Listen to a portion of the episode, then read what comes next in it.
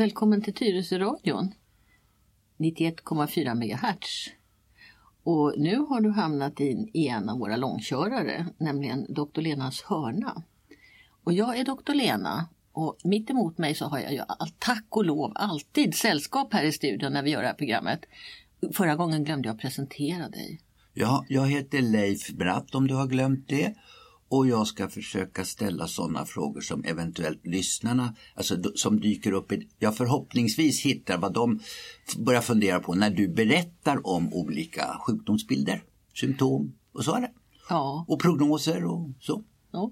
Och vi, vi har ju en sån här, det heter på fint språk heter det talkshow. Det vill säga vi, vi sitter och pratar här och ibland spårar ju samtalet ut lite grann men då får vi hjälpas åt att hålla det på spåret igen. Jag är då specialist i geriatrik och då är man geriater eller geriatriker, man får säga vilket som. Och jag är, har varit doktor i 45 år. Fast jag kommer nog att sluta jobba i, kanske under det här året ja, jag, jag, jag skruvar lite på mig för egentligen vill jag inte. Men eh, någon gång ska man väl kanske sluta också. Ja, och du säger på fint språk så du, och så säger geriatriker. Ska alla veta vad en geriatriker är för något? Ja, självklart. Det är en doktor som är specialist på den äldre människan och dess sjukdomar. Men man brukar också säga att vi är generalister. inte opportunister utan generalister. Vi kan lite av allt möjligt. Ungefär som en allmänläkare som också är en generalist. Det vi ska prata om idag är egentligen inte mitt specialområde och då blir jag lite nervös här. Men vi får väl hjälpas åt Leif. Ja, alltså jag kan eh, om möjligt ännu mindre än du. Ja, ja. Hörde du vad elak jag var? det är bäst vi drar igång nu då. Eh, vi, den här eh, terminen, eller vad ska jag säga, det här programmet nu 2019 Eh, det handlar om blod och det här är det tredje programmet i avsnitt eller blod, blodblocket. Och nu har vi hamnat på de vita blodkropparna. Har du någon gång fått reda på vad du har för vit, hur många vita blodkroppar du har? Nej, och jag har tack och lov inte drabbats av någonting som gör att eh, farbror dok doktorn oavsett kön eh, har haft anledning att, att, göra något slags blodprov. Det enda jag går och tar det är sån här varan, alltså hur eh, viskös, alltså hur lättflytande mitt blod är. Det är det enda test jag har gjort. Förmodligen så har de mätt dina vita blodkroppar. Men för det är ett sånt där standardprov. Är det sänkan? Är det någonting med vita blodkroppar? Ja, det är det faktiskt. Eh, mm, och det var en svensk som hittade på det här med, svensk, eh, med sänka. Han heter Foreus. Och det är därför som vi i Sverige har tyckt så väldigt mycket om att ta sänka. Men idag så tar man inte sänka längre för det anses vara ett ålderdomligt och ganska ospecifikt sätt att, att eh, försöka få någon grepp om blodet. För några år sedan så drabbades jag av lunginflammation och då tror jag man pratade om man tog sänkan. Jag fick nog värde där. Jag ja. ja. Så då har jag väl då mätt vita blodkroppar indirekt då? Ja, du har mätt då något som heter CRP och det är ett litet äggviteämne som stiger ganska snabbt när man har en bakterieinfektion. Och de släppte nog inte ut dig från sjukhuset förrän du hade sjunkit i värde när man sett att behandlingen hade effekt och, och det här började rätta till sig. Jag låg in en månad. Ja, du ja, du har ju, du har ju gräddfil. Det är inte ja. många som får ligga inne så länge Leif. Nej, nej, nej. VIP. Ja, precis. Jo, men i alla fall så mätte de nog dina vita blodkroppar då när du hade lunginflammation. Ja, så då blir svaret ja på din fråga. Ja, fast du vet inte om det då. Nej. Sen kan man ju säga att det spelar inte så stor roll heller vad du hade för att det växlar hela tiden. Det är, det är inte så att man har ett och samma värde vid varje provtagning. Utan det är, det är mer en, en ögonblicksbild av hur står det till med den här människan. Men kan man säga då så här, om vi vänder på det. Vad finns det för symptom som jag som lekman kan uppleva och, och som kan relateras till någon eh, ja, konstighet med mina vita blodkroppar? Ja, Något onormalt tillstånd? Nej, egentligen så känner man nog inte av det så mycket nej. annat än om man har drabbats av någon riktigt allvarlig sjukdom som påverkar eh, benmärgen och dess förmåga att bilda vita blodkroppar. För de här, de här tillverkas i benmärgen. Var sitter benmärgen då? Ja du, den sitter lite överallt. Framförallt i de långa rörbenen och det, de har vi i överarmarna och i lårbenen. Du är väl hundägare? Nej, jag, är- vad heter, svärdottern hade med det som hemgift. Två storpudlar. Det, Fick, fick inte de märgbenen någon gång? ja, men, nej, de får någon sån här pellets.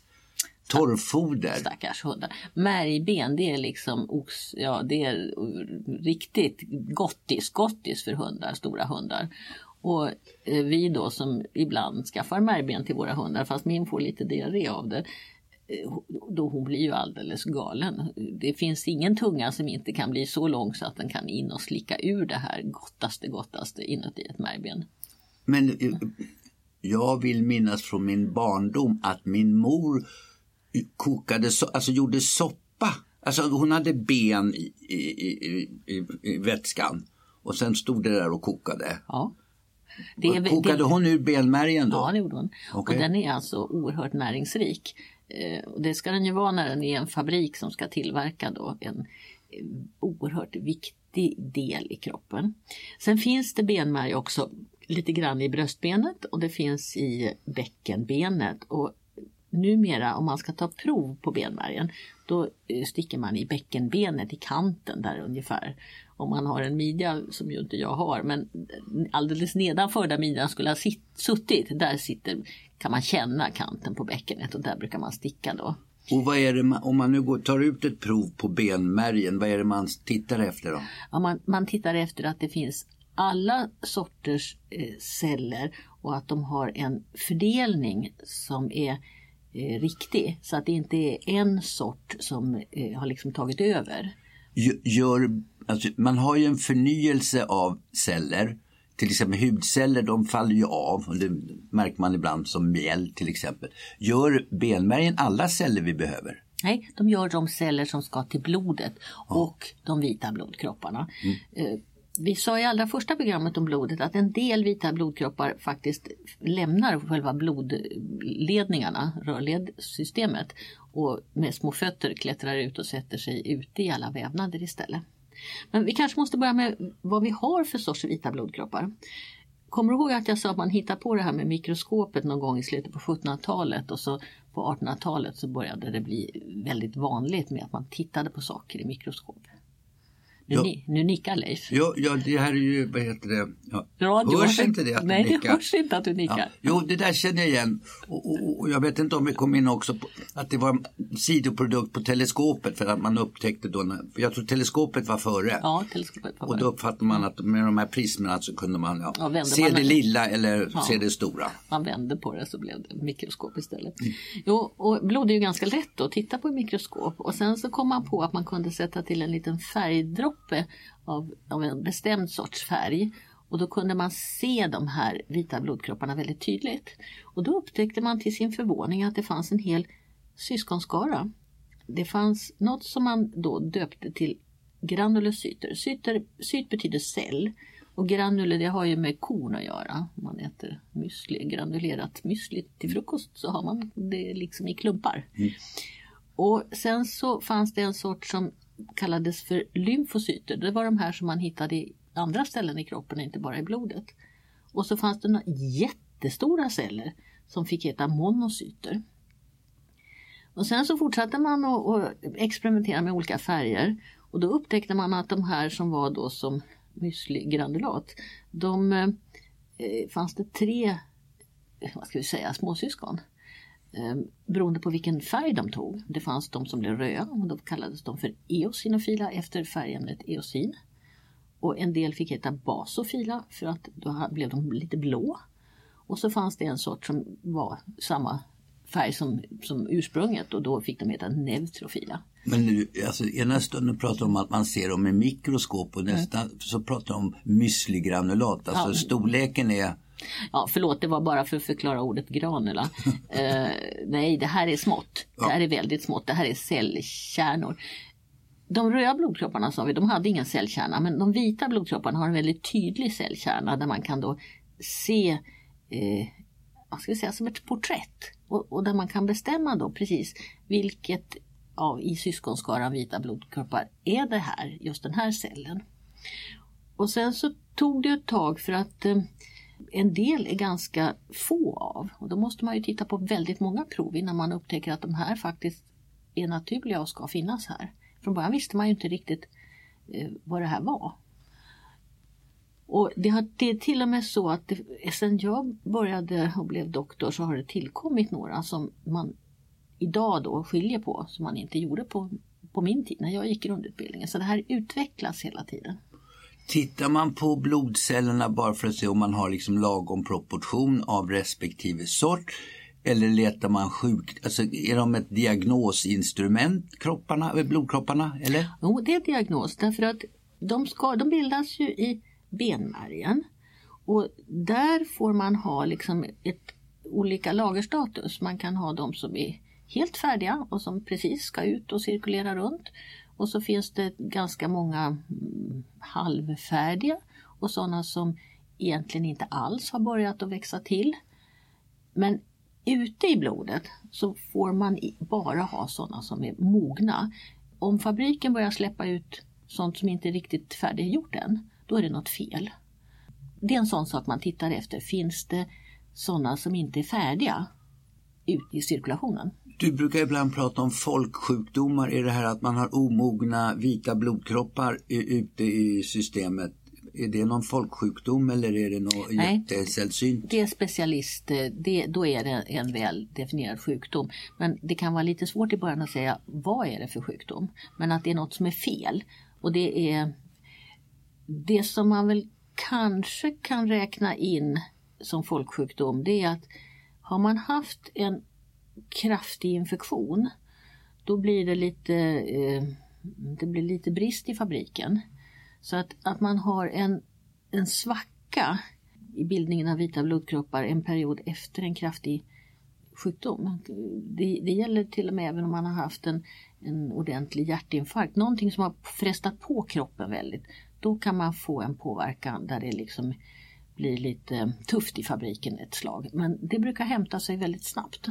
Ja, jag var tangerade ju tidigare men eh, en gång till då, då att det här, om man säger att vi får ut omogna eh, vita blodkroppar mm. i omloppet, blodomloppet. Märker jag av något symptom? Kan jag liksom ringa någon varningsklocka för mig? Eller, eh, Nej. Nej, det gör det inte. Eh, det är sådana här allmänna, man brukar prata om allmän sjukdomskänsla, trötthet. Det som kan, om det blir trassel i den här fabriken, om det blir strejk eller om det blir för överproduktion, då kan det bli så att det påverkar de röda blodkropparna. De får inte tillräckligt med, de vita har liksom så mycket bekymmer så att de, de röda får stå tillbaka. Det blir en undanträngningseffekt. Och då kan man få dåliga blodvärden.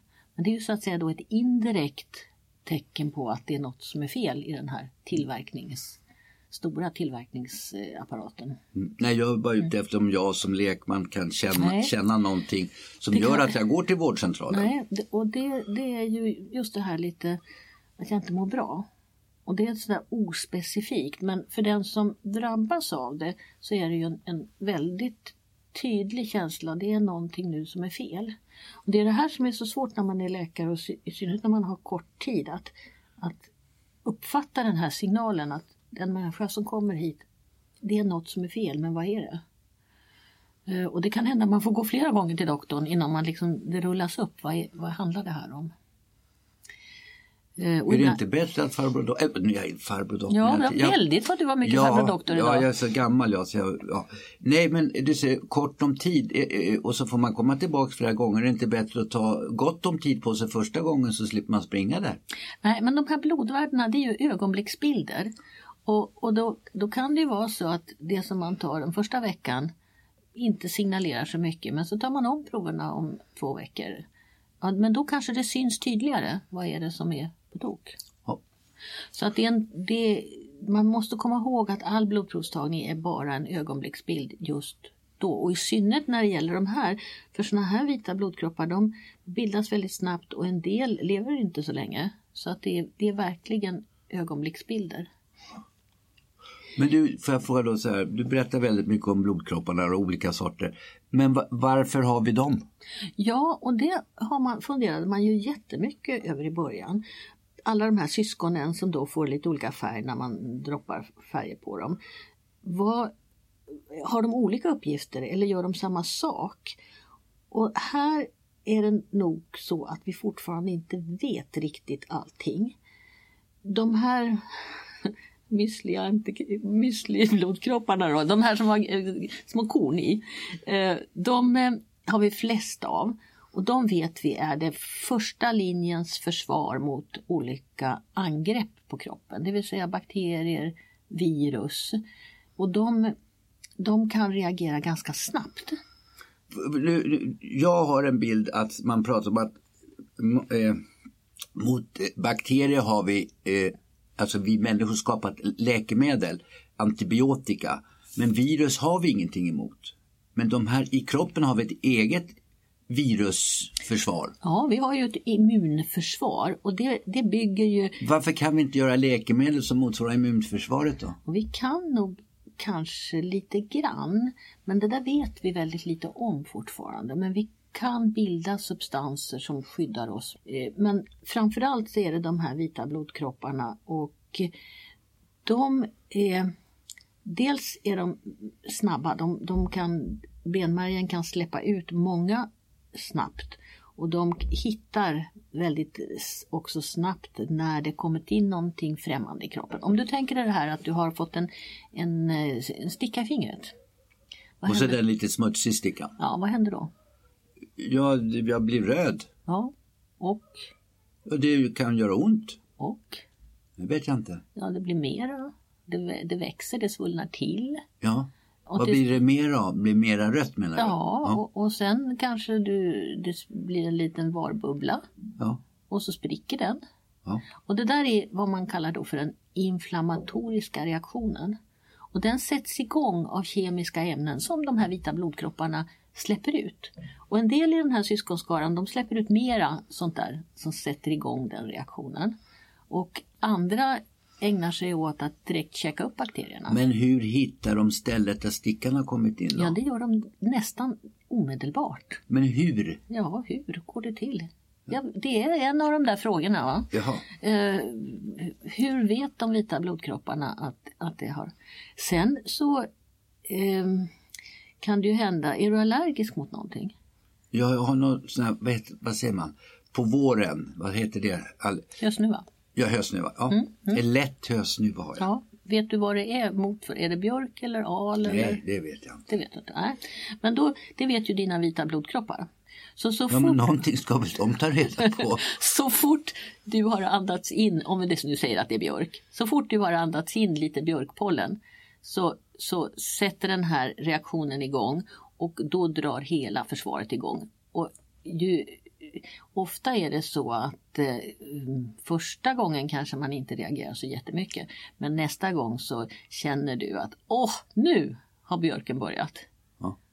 För då svullnar alla slemhinnor, inte bara på ett ställe utan på flera ställen. Och så får du den här obehagliga känslan Ehm, av att det kanske kliar någonstans eller att du blir jättetrött eller att du till och med börjar få lite svårt att andas. Och det här, då är ditt immunförsvar på högvarv. De känner igen det här björkpollenet direkt. Men är det inte så att man först måste ha, som du var inne på, första gången, då, då är det ju ingenting att känna igen Mm. Nej. för de har inte stött på det tidigare. Nej. Mm. Men sen memorerar de på något sätt. Ja, och de minns. Det finns alltså speciella eh, vita blodkroppar i den här syskongruppen som har en minnesfunktion. Och det gäller framförallt de som inte var müslikorn då, utan de som är mera släta, lymfocyterna, de som hade fötter och vandrade ut i alla organ. Och, och som också kan vi säga bor i, de är lite mer långlivade och de kan, en del lever faktiskt hela, hela människans liv. Och de håller till i lymfkörtlarna. Men jag måste få fråga Mm. då bara. Jag fattar ju att det är en korkad fråga men i alla fall. Du säger att de minns. När man tittar då i mikroskopet kan man se någon miniatyrhjärna inne i de här äh, cellerna. Nej, och man vet inte riktigt hur det går Nej, till det för att de minns heller. Men, men det här upptäckte man eh, att, att, att det finns en minnesfunktion, det, det lärde man sig ganska snabbt. Och det, var ju, det är också grunden för all vaccination. För då får vi ju insprutat lite, lite grann till exempel av kikhostevirus eller mässlingsvirus eller avdödat poliovirus. Och då får vi en liten reaktion, så liten så att vi inte blir sjuka av den, men tillräckligt för att vi ska, min, kroppen ska minnas. Och så fort man sen kommer i närheten av en liten eh, mässlingsvirus så, så stängs den ute tack vare då att man har den här vaccinationen. Att vi idag är så pass friska och lever så pass länge det har ju att göra med att vi har lärt oss saker om vårt immunförsvar och, och lyckats utveckla då till exempel vacciner. Kan man, eh, eller har man någon kunskap om det? Det som jag tänker på det är att man utvecklar då ett visst skydd. Och nu har vi haft lite olika man säger, människotyper. Vi är ju Homo sapiens, heter mm. vår sort. Och så fanns det neandertalare. Kan det vara så då att neandertalarna hade svårare att utveckla det här skyddet och därför dog ut? Det kan det vara, visst kan det vara det. Och eh, alltså man måste ju komma i kontakt med någonting för att den här processen med eh, eh, att de vita blodkropparna lär sig att det här är farligt. Jo men alltså neandertalarna fanns i Europa och vi kom hit upp. Ja. Eh, så att de borde ha fått utsatt, utsatt sig själva för ungefär likartade elakheter, virusar och mm, sådär. Mm. Men vi, vi kanske hade med oss någonting från Afrika som hotade hotade deras... Eh, som var nytt för dem? Som var nytt för dem, ja. ja det, det, vet, det, vet, vi ju inget om. Nej, men du, nu mm. slår mm. det, det är ju samma sak när vi europeer 1500-talet började bli, seglade jorden runt mm. och, de här nu säger, infödingsstammarna, de hade ju inte det skydd vi hade. Så mm. Man brukar ibland elakt säga att de dog som flugor med, mm. med våra vitmans eh, bakterie, virusflora eller vad, vad det nu var. Så de hade ju ingen skydd heller. Bakterievärlden, den, den, den här virus och bakterier, de utvecklar ju också nya tekniker för att överleva. Och det som händer just nu då 2019 det är ju att vi åker som 17 till Thailand och i Thailand finns det bakterier som våra antibiotika inte biter på och så tar vi hem de bakterierna till Sverige och så sprids det ju nu det som kallas för resistenta bakterier som, där inte våra antibiotika funkar längre. Men det, var, det, finns väl också, vi behöver inte åka till Thailand. Jag har haft småbarn, de har vuxit upp nu. Men de, det här med penicillin, alltså, mm. alltså överdosering av, har ju gjort också att eh, de befintliga, de som vi har utsatts för, de, de har ju också blivit ja. resistenta.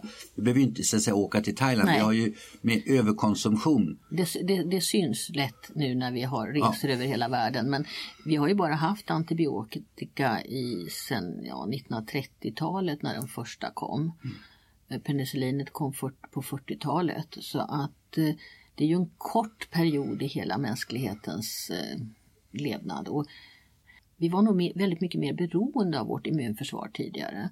Och, och nu har vi nog kanske tappat en del eh, av den förmågan. Får vi då ett svagare immunförsvar om vi inte använder det?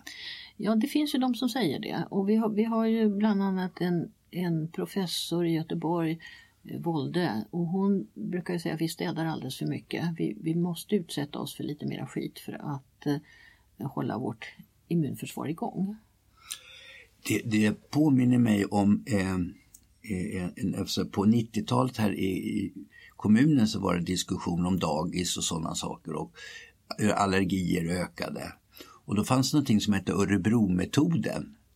Och då, det var bara ett frågeformulär. Men då visade det sig att eh, enligt, med den metoden så kom man fram till att ungefär 40 procent av eh, vad heter det, lågstadieeleverna eller skoleleverna, jag vet inte vilka, ja, eh, här i Tyresö hade någon form av överkänslighet. Och då började man titta runt om i världen och det som förut hette Rhodesia heter nu för tiden, alltså i Afrika, in, Zambia. Zambia, tack. Där kunde de väldigt tydligt se alltså förorten där lokalbefolkningen, alltså de mörkhyade bodde och sen förorterna där det var en viss blandning och sen centraldelen av, eh, vad hette det, Salisbury eller vad nu huvudstaden hette. Där en vit man bodde.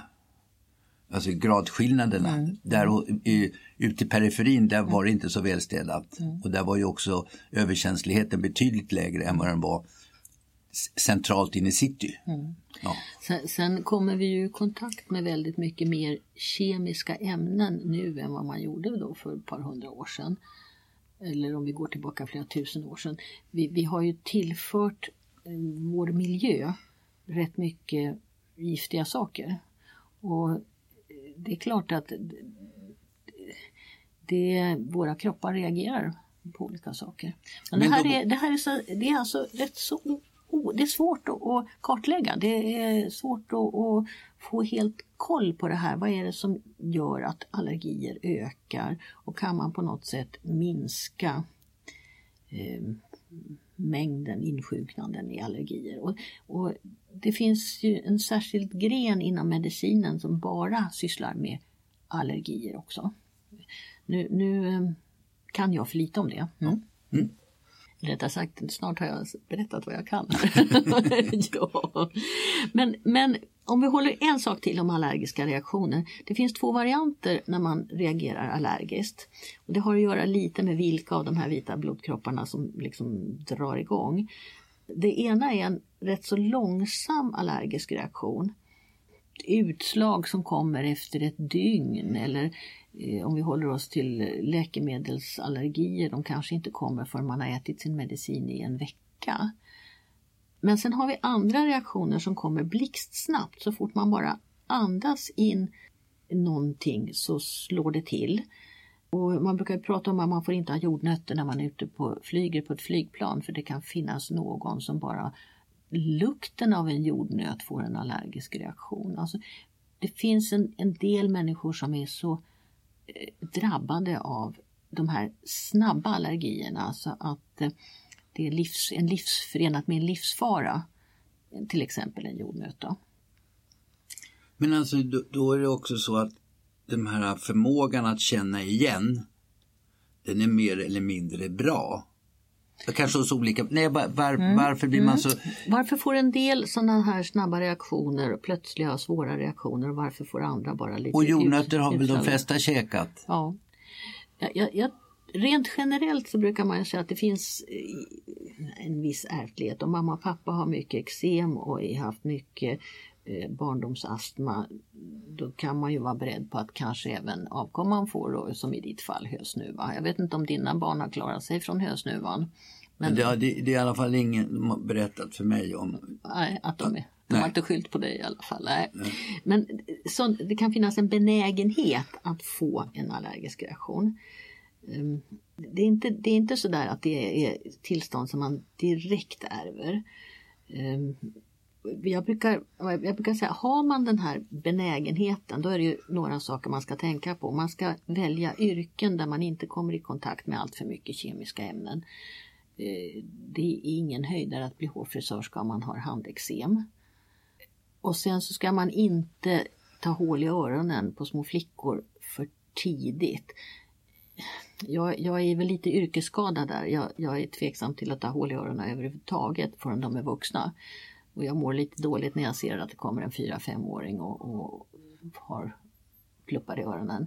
Därför att där vet man att det ökar väldigt kraftigt eh, risken att få handexem handeksem och, och utveckla det som kallas för nickelallergi.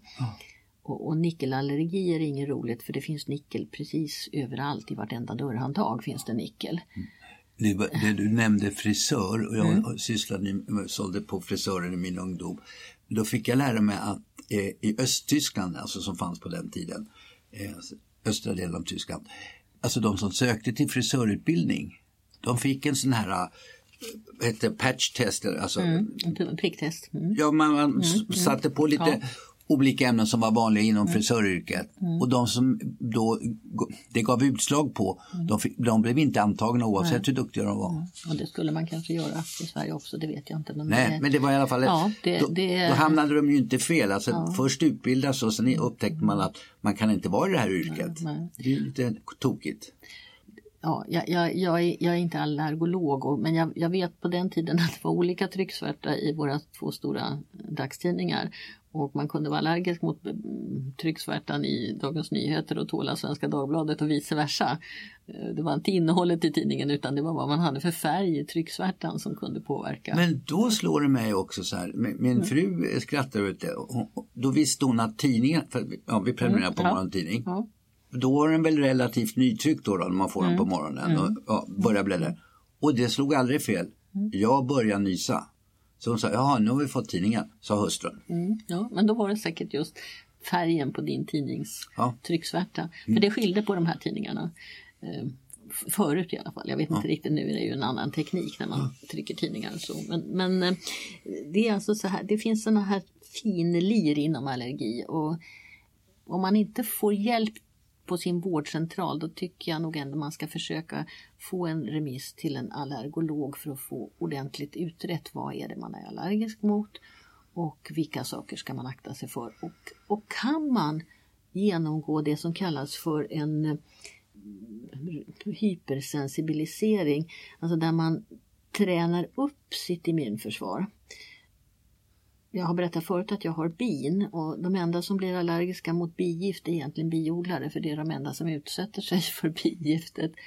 Och vill man då fortsätta som biodlare även om man har blivit allergisk mot bigiftet då kan man få gå eh, en sån här eh, träna upp sitt immunförsvar och få liten liten dos bigift med jämna mellanrum tills man liksom har kroppen har vant sig vid det. Men såna här de är långvariga den här typen av behandlingar man, om man ska gå och träna upp sig mot björkpollen eller något sånt. Och det är ganska mycket man ska ha ganska mycket problem innan man liksom blir antagen till ett sånt program. Men det finns, det finns sådana. Men förutom då eh, vet du, allergier, då undrar jag bara så här, vad du tror.